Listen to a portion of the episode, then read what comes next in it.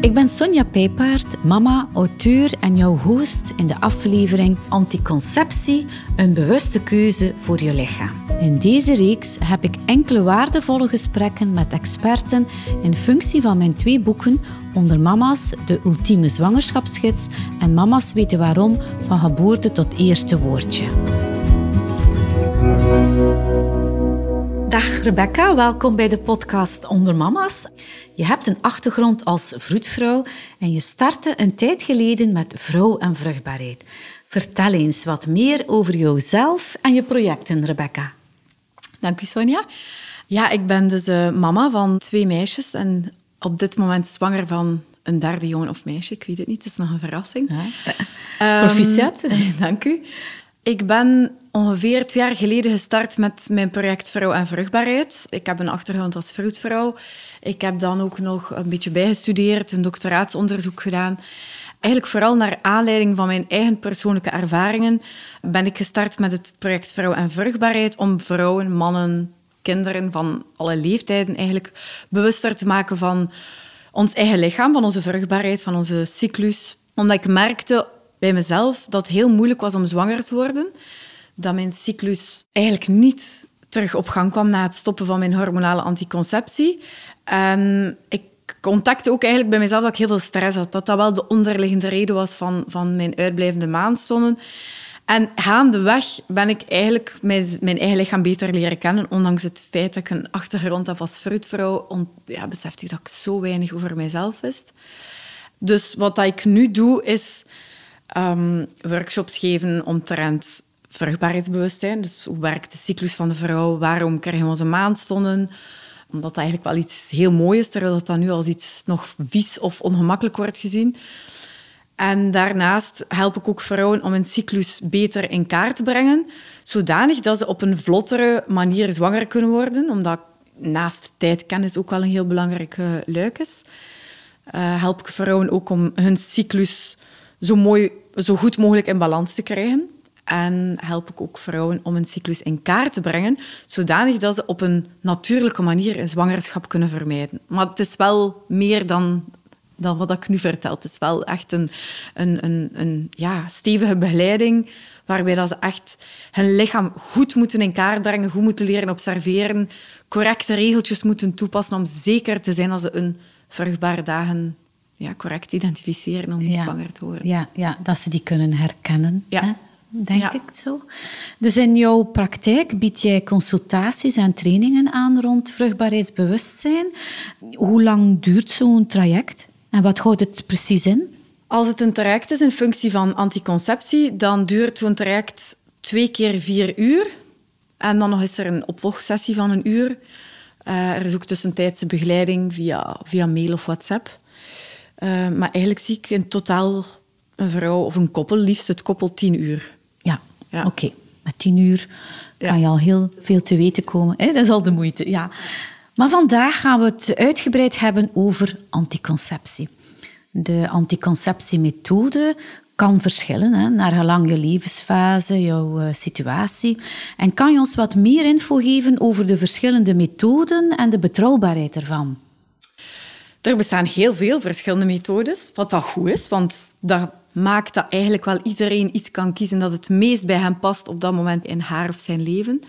Eigenlijk heb je de, de hormonale methodes, en ik denk dan aan de pil, dus de klassieke combinatiepil, maar dan ook de minipil, prikpil, hormonaal implantaat, hormonenspiraal. Dat zijn eigenlijk echt de, de, hormonale anticonceptie.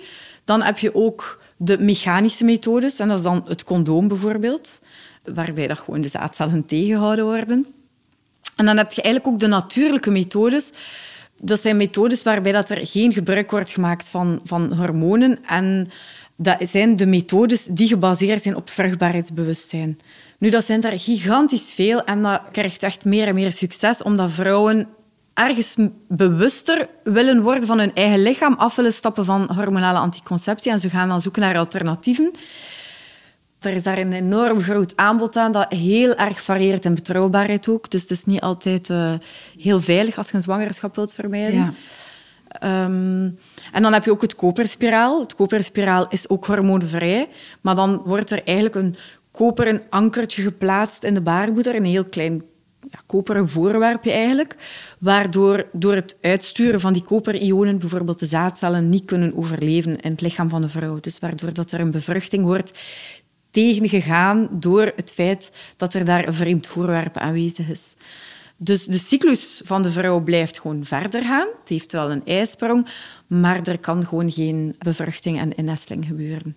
En tussen al deze methodes die je nu uh, hier aanhaalt, naar betrouwbaarheid toe, kan je mhm. daar iets meer over vertellen? Wat dat heel betrouwbaar is, is het hormoonspiraal. Wat dan nog betrouwbaarder is, is een uh, sterilisatie of een, een, een knipje, dat ze zeggen bij de man. Maar dat is natuurlijk iets dat soms nog omkeerbaar is, maar we, ja, we moeten er toch rekening mee houden dat dat niet altijd kan. Dat wordt ook populairder, maar dan is het echt belangrijk dat je als koppel je de vraag stelt van willen wij ook absoluut geen kinderen meer? Dat gesprek daar rond is wel heel belangrijk. En dan de combinatiepil die heeft eigenlijk wel een hoge betrouwbaarheid van 98% Maar we spreken, ik spreek altijd over twee verschillende cijfers. Je hebt het cijfer bij perfect, correct, consistent gebruik, het ideaal scenario. Maar dan heb je ook het cijfer bij modaal gebruik. Dus dat wil zeggen dat je echt de totale populatie neemt van alle vrouwen die de pil nemen. Dat is bij de pil eigenlijk 90, 92 procent. Dus eigenlijk betekent dat dat 10 op de 100 vrouwen zwanger wordt als ze de combinatiepil gebruikt gedurende één jaar. Maar als je ze heel correct en consistent inneemt, dus dat je ze elke dag inneemt en dat je als je ziek bent of diarree hebt overgeeft, dat je ook daar rekening mee houdt, dan, wel, dan is dat een heel betrouwbare anticonceptiemethode. Bij modaal of consistent gebruik is het verschil bij de hormoonspiraal veel kleiner omdat je daar echt zelf geen fout kan mee maken, zoals bij de pil. Ja, ja, ja. Koperspiraal is ook uh, heel betrouwbaar. Het condoom hangt er ook weer vanaf. Modaal gebruik, correct, consistent gebruik. Modaal gebruik is echt een pak lager. Is 85 procent, geloof ik. Terwijl bij correct en consistent gebruik ga je echt ook wel hele mooie cijfers hebben. Ja.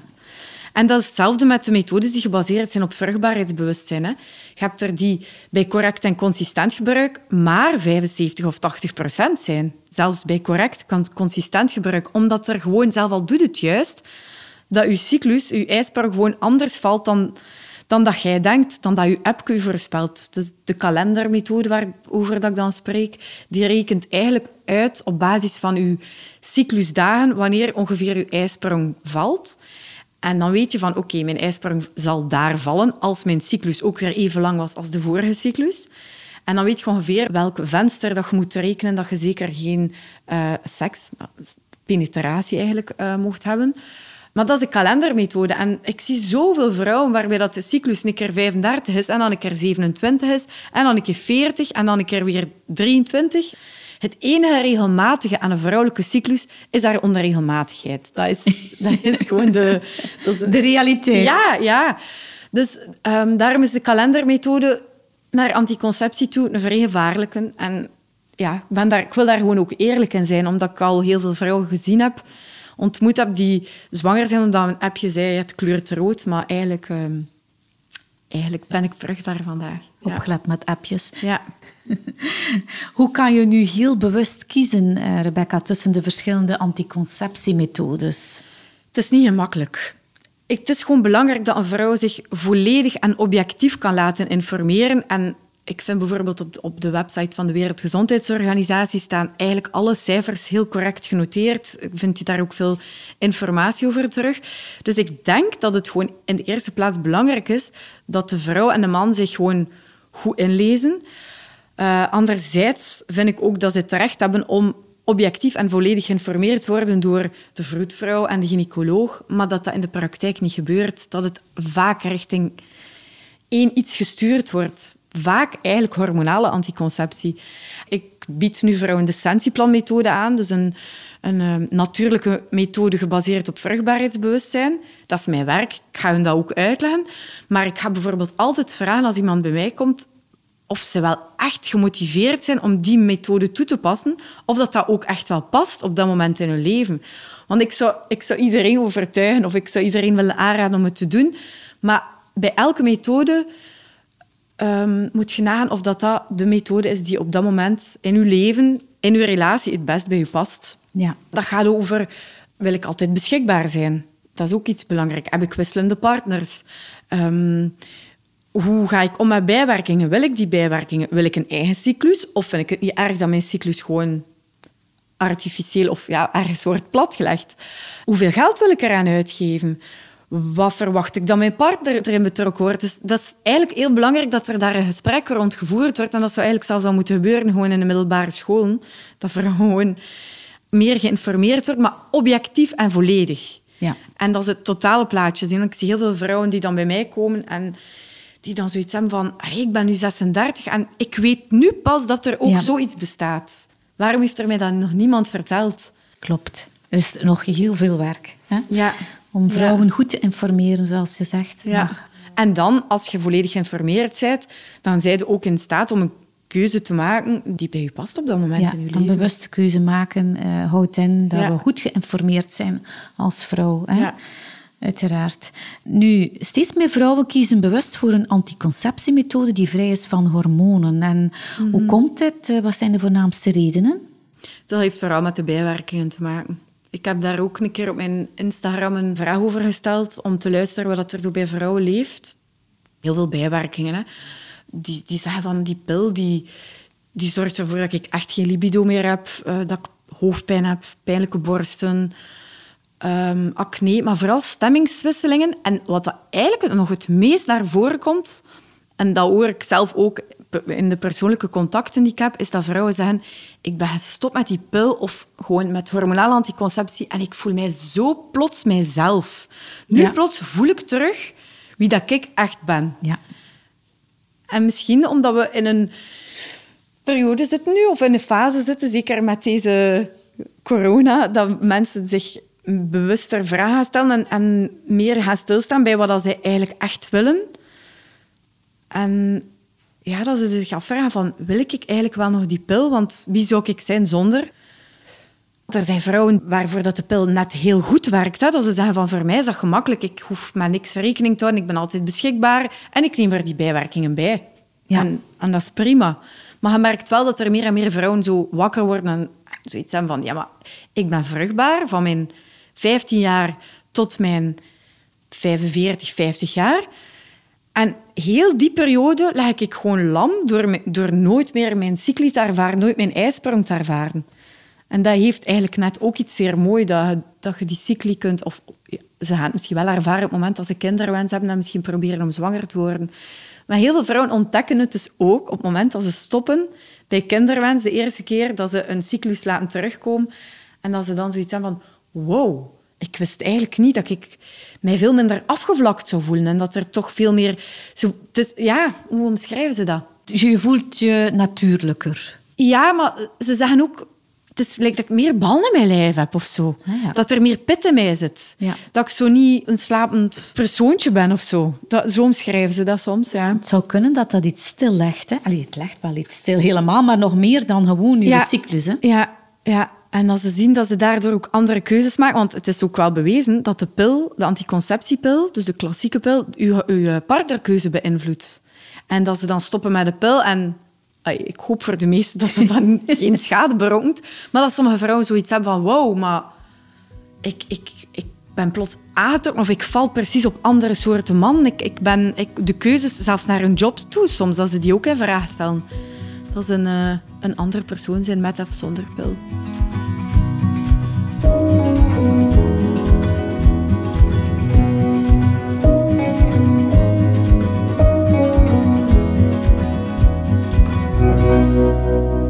Kan je ons wat meer vertellen over de Sensiplan-methode die jij toepast? Eh, mag je hierop vertrouwen, zodat je voldoende beschermd bent om niet zwanger te worden, Rebecca?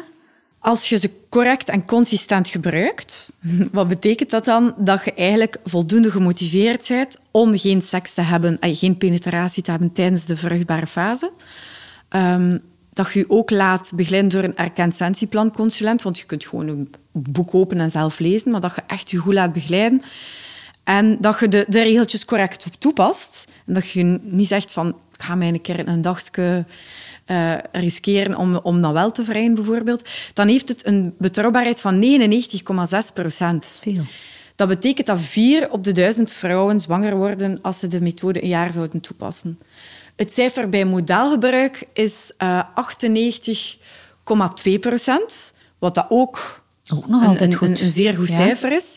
De stentieplanmethode zelf is dus eigenlijk een natuurlijke methode gebaseerd op vruchtbaarheidsbewustzijn. Je hebt heel veel natuurlijke methodes, de kalendermethodes, dat je dagen telt. Je hebt de temperatuurmethode, waarbij je elke dag je temperatuur meet en die dan dat jij zelf uitrekent of een app voor u wanneer dat je vruchtbaar bent, wanneer niet. Je hebt de slijmmethode, dus die gaat enkel kijken naar je baarmoederhalsslijm. Maar Sensiplan die combineert eigenlijk alles samen. Die gaat eigenlijk gaan kijken naar uw basale lichaamstemperatuur. Dus je meet elke ochtend uw basale lichaamstemperatuur en je observeert dagelijks je baarmoederhalsslijm. Dat, die observaties bij jezelf noteer je op een cycluskaart en dan, ja, met een begeleiding door een erkend leer je die lichaamssignalen correct te gaan interpreteren en zijn ook in staat om je vruchtbare en je onvruchtbare dagen um, betrouwbaar vast te leggen. Dus dat is nu heel kort en simpel uitgelegd. Maar ja, er komt daar heel veel bij kijken. Want wat als je temperatuur plots omhoog gaat, omdat je niet om zeven uur zit opgestaan, maar om tien uur s morgens. Je moet daar leren rekening mee houden, dat dat storingen zijn. Dat, dat je die dan tussen haakjes plaatst, bijvoorbeeld. Wat als je moeite hebt met je slijmobservaties. Dus je wordt daar wel echt grondig in opgevolgd, zodanig dat je na die sessies het gevoel hebt van oké, ik ben echt in staat om op een heel betrouwbare manier mijn cyclus in kaart te brengen en te interpreteren. Het is ook heel lijfelijk. Je leert je lijf wel ja. echt goed kennen hè, door deze methode. Ja. ja, vrouwen die eigenlijk daar totaal nog niet mee bezig waren en dat dan leren. En de eerste les leer je bijvoorbeeld je lichaamssignalen te observeren, in kaart te brengen. En de tweede les leer je dan te ontdekken waar je ijsprong ligt. En dat is dan altijd zo'n, eh, voor veel vrouwen een openbaring van wow, ik kan dat gewoon zien dat ik er een ijsprong heb gehad. En dat is echt zwart op wit, want dat is eigenlijk al die regeltjes, die sensiplan regeltjes, dus we kijken naar het slijm en naar de temperatuur, die strikte regels zijn allemaal gebaseerd op wetenschappelijk onderzoek, zijn allemaal evidence-based. Dus je gaat niet zomaar zeggen, oh, de temperatuur is zoveel dagen verhoogd, laten we het nu afsluiten. Nee, dat is omdat ze weten dat een eicel zoveel dagen kan leven voor of na die temperatuurstijging. Dus het is allemaal gebaseerd op evidentie, waardoor dat als die vrouwen die correcte regels toepassen, dat ze ook weten van die ijsprong is effectief geweest. En dat dat voor hen vaak een bevestiging is van wow, mijn lichaam werkt. Ik heb hier gewoon elke maand mijn, mijn ijsprong. Vraagt het veel tijd, Rebecca, om deze methode toe te passen? Uh, ja, nu ben ik zwanger, dus nu kan ik het niet, niet vertellen. Maar eigenlijk, als, omdat ik er nu al jaren mee bezig ben, ik weet dan niet meer dat ik daarmee bezig ben. Ja. Het is minder werk dan mijn tanden poetsen. Dat is gewoon s'morgens mijn temperatuur meten, drie minuutjes. Mijn baarmoederhalsslijm doorheen de dag observeren. Maar dat is zo eigen geworden, dat is ingebakken, dat ik daar eigenlijk niet meer mee, bewust mee bezig ben. Dus nee, maar in de beginfase wel. Hè. Dan moet je je wel drie, vier maanden tijd geven om gewoon te worden aan het feit dat je andere dingen gaat doen in je leven. Dat is like dat je nooit je tanden poetst en plots moet beginnen je tanden poetsen. Dat, je maakt het je eigen. Je maakt het je eigen, maar je moet ook jezelf de kans geven om dat eigen te maken en niet verwachten dat je dat na een week kunt. En dat is, dankzij die begeleiding is dat ook wel veel draaglijker. Je staat er niet alleen voor.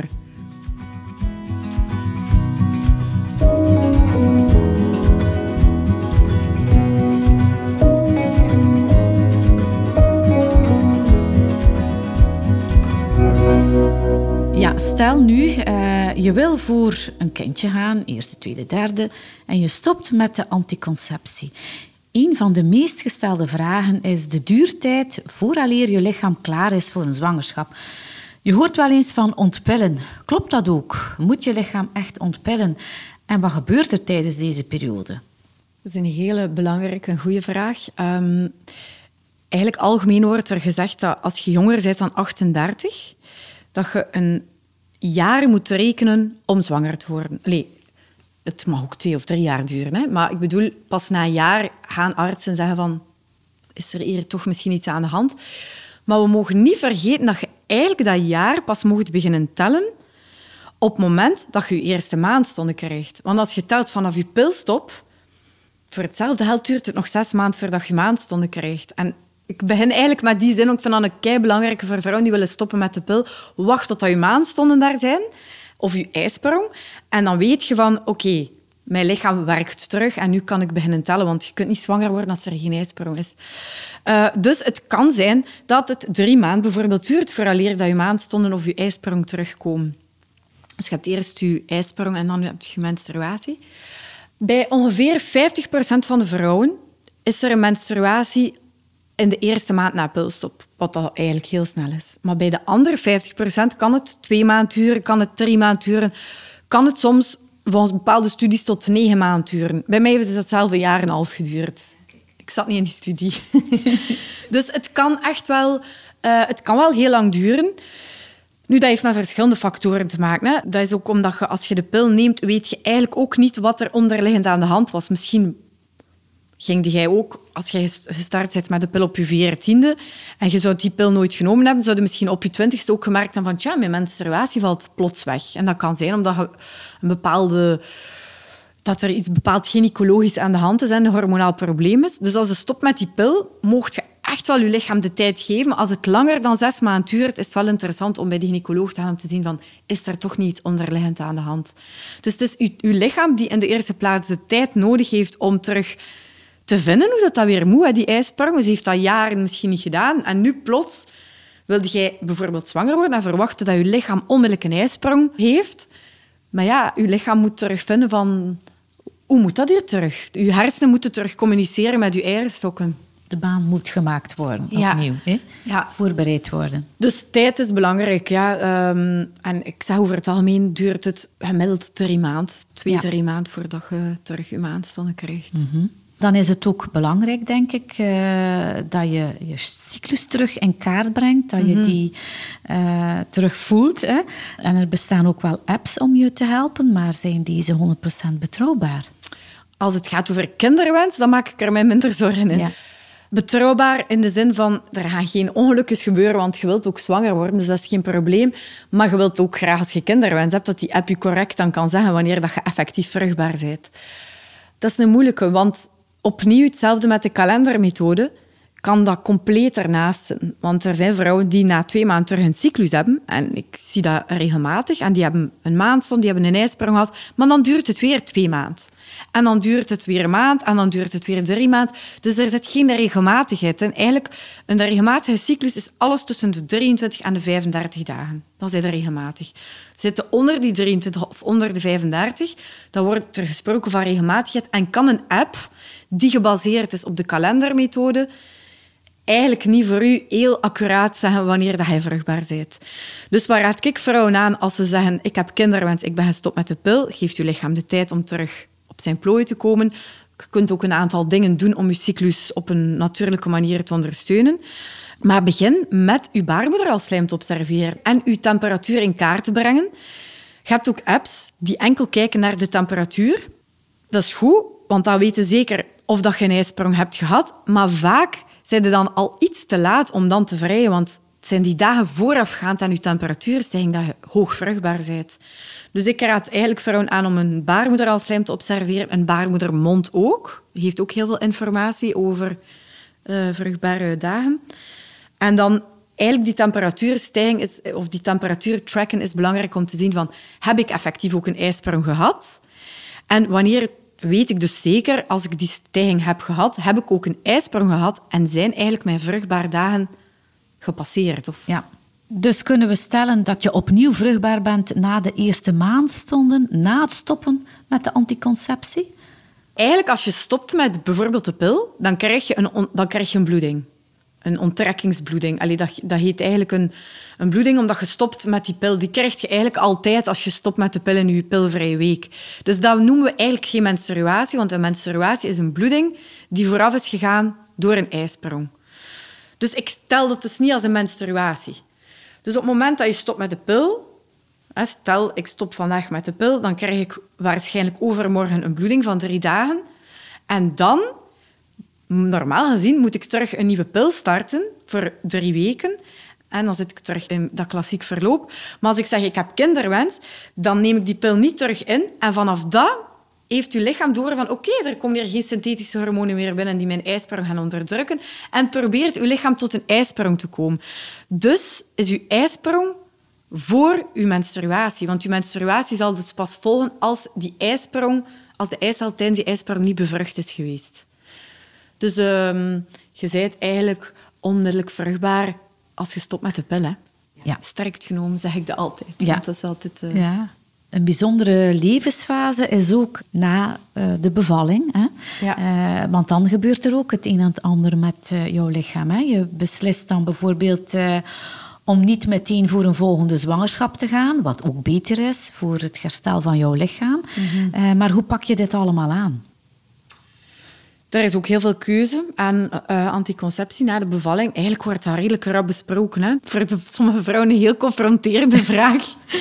Moet ik daar nu al aan denken? Ja. Een vervelende vraag soms, maar wel een belangrijke vraag. Eigenlijk 50% van de vrouwen die geen of gedeeltelijke borstvoeding geeft, krijgt binnen de zes weken na de bevalling terug haar ijsprong. ijsprong ja. Dus vandaar dat ze zeker bij vrouwen die geen borstvoeding geven of gedeeltelijke borstvoeding geven, um, anticonceptie aanraden om meteen op te starten. Wat is dat dan? Als je geen borstvoeding geeft, moet je eigenlijk alles gebruiken. Geef de borstvoeding of gedeeltelijke borstvoeding, dan mocht je bijvoorbeeld niet de klassieke combinatiepil nemen. Eigenlijk oestrogenen worden vermeden. Dus wat krijg je dan als alternatief? Heb je de minipil, heb je de prikpil, uh, hormonaal implantaat, omdat daar enkel progestagenen in zitten. Dus dat mag wel als je borstvoeding geeft. Dus dan wordt je ijsprong nog altijd onderdrukt. Hoe zit het dan met vrouwen die volledige borstvoeding geven? Ja, ook opnieuw, hè, enkel de, de alternatieven met enkel progestagenen in, enkel die anticonceptie, of, of koperspiraal kan bijvoorbeeld ook. Maar ze zeggen ook altijd van als een vrouw borstvoeding geeft, dan, dan is ze veilig en hoeft ze eigenlijk geen hormonale anticonceptie te nemen. Daar moeten we ook echt voorzichtig mee zijn. Als het gaat over geen anticonceptie bij borstvoeding, dan gaat het echt over volledige, volledige borstvoeding. En dat zijn redelijk strenge criteria. Wat betekent dat? Voeden op verzoek. Elke keer als uw baby vraagt om eten, eten geven. Minstens zes voedingen per dag. Mag niet meer dan zes uur tussen zitten. Dus als uw kind een keer achter doorslaapt, dan geeft je geen volledige borstvoeding meer. En eigenlijk dat je kind ook geen fopspeen zelf krijgt en dat je kind ook geen thee krijgt of andere vervanging of, en dat je ook niet afkolft. Dus dat is eigenlijk... Eh, denk gewoon aan, aan, dat je je ergens bevindt in een, in een stam in de natuur waar dat er niets anders is, dan is dat heel veilig. Dus noemt, er zijn vrouwen die dat doen. Hè. Dat noemt de LAM, de uh, lactatie-amenorrhee-methode. Dus dat betekent, doordat je voedt, Ga nu maandstonden, gaat je ijsprong uitblijven. En dat heeft de eerste zes maanden een betrouwbaarheid van 98 procent.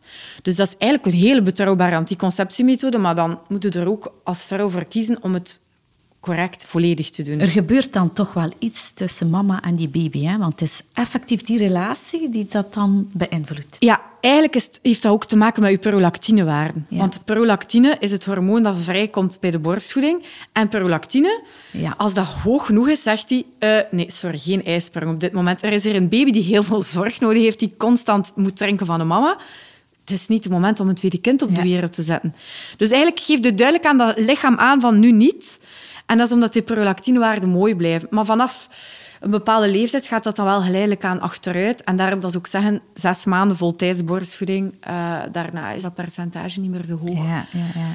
Ik heb nu gesproken over de LAM-methode. Je hebt dan ook de, de hormonale alternatieven. Dan heb je ook het koperspiraal.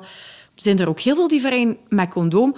Omdat eigenlijk, en ik wil daar ook heel eerlijk in zijn, heel veel vrouwen na de bevalling hun hoofd staat ook gewoon niet onmiddellijk na, na wel intimiteit, maar misschien geen penetratie. En bij sommigen, die vrijen willen na vier weken vrijen, anderen na zes. Maar bij anderen is dat gewoon de drie tot zes eerste maanden gewoon niet, niet aan de orde.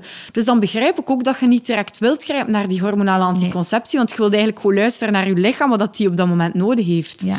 Maar opnieuw, dat is weer in gesprek gaan met je partner, want anticonceptie is een gedeelde verantwoordelijkheid. Hè. Absoluut. Um, dus ik denk dat het goed is als je, als je zwanger bent en, en dat je dan zo dat gesprek toch een beetje aan met je partner om voorbereid te zijn voor de gynaecoloog die plots aan je, aan je bed staat of je op te vragen van wat kan ik u nu aanbieden van anticonceptie. Want veel vrouwen hebben dan de neiging om te, terug te grijpen naar wat ze vroeger gebruikten. Maar het is niet omdat je bevallen bent dat je ook baat hebt bij die methode dat je gebruikte voor je zwangerschap. Misschien willen jullie wel nog een tweede kind en hoeft je daarom niet hormonale anticonceptie te gebruiken om, om alles terug ehm, te onderdrukken. Ja, maar er is wel een bepaalde periode nodig tussen zwangerschappen, hè? die toch ook door de WHO aangeraden wordt. Hè? Ja, iedereen kan mag kinderen krijgen wanneer dat hij wil, maar eigenlijk voor je lichaam wordt toch wel aangeraden om er een jaar en een half tussen te laten. Dat dat de beste, de beste tijdspanne is. Ja. Ja. Omdat je na een bevalling niet alleen ja, je moet lichamelijk recupereren, maar ook gewoon emotioneel, mentaal. Een, een bevalling vraagt... Heel, de zwangerschap heeft heel veel van u gevraagd. De bevalling heeft heel veel van u gevraagd. Dan die periode nadien, borstvoeding vraagt ook heel veel van u. Ja, het is wel belangrijk om daar inderdaad ook bij stil te staan. Hè, dat er voldoende ja, tijd is dat voor u voor uw lichaam gezond is. Dan denken we ook aan, hè, wat is uw voorgeschiedenis? Van, uh, mm raakte je makkelijk zwanger? Hoe, was de, hoe verliep de zwangerschap? Uh, hoe is de bevalling mhm. verlopen? Hoe ben je bevallen?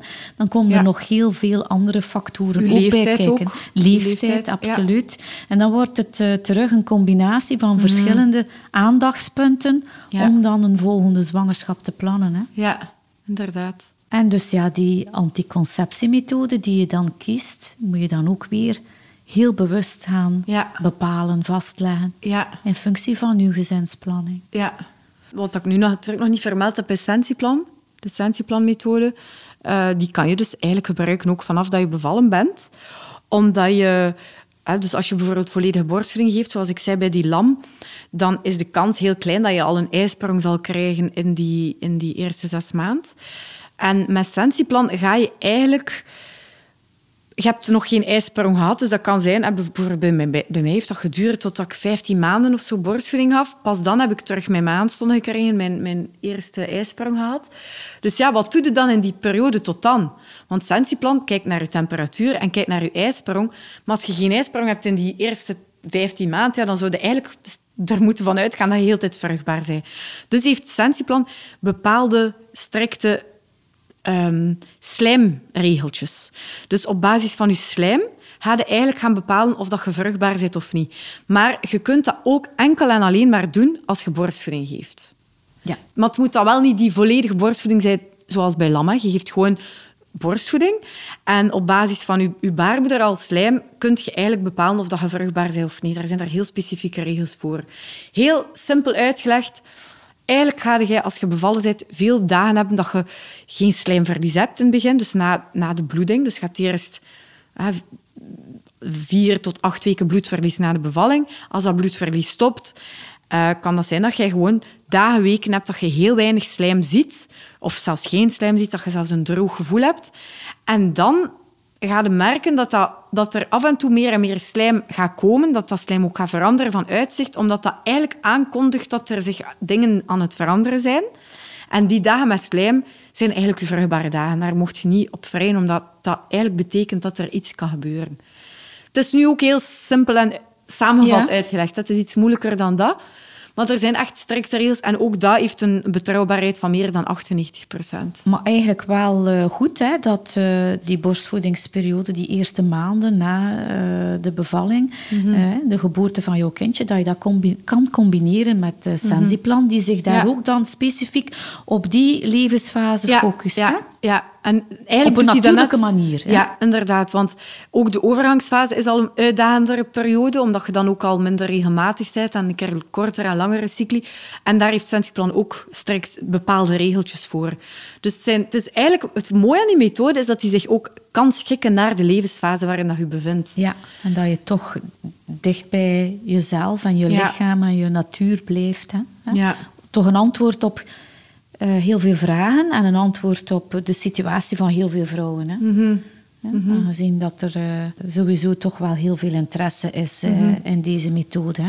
Ja. Heb jij nu nog een ultieme boodschap, Rebecca, of tip voor alle vrouwen die op dit moment luisteren? Ja, dat is iets dat ik eigenlijk vaak zeg aan vrouwen. Ehm kies iets wat dat op dat moment in je leven het best bij je past. Ik heb dat daarnet ook al gezegd. Maar kies zelf wat jij eigenlijk echt wilt. En laat u niet leiden door wat de anderen vinden of zeggen. Vraagt u, vraagt u eigenlijk zelf af, wat wil ik? En wat dat u daarbij kan helpen, is voor jezelf een prioriteitenlijstje op te maken van...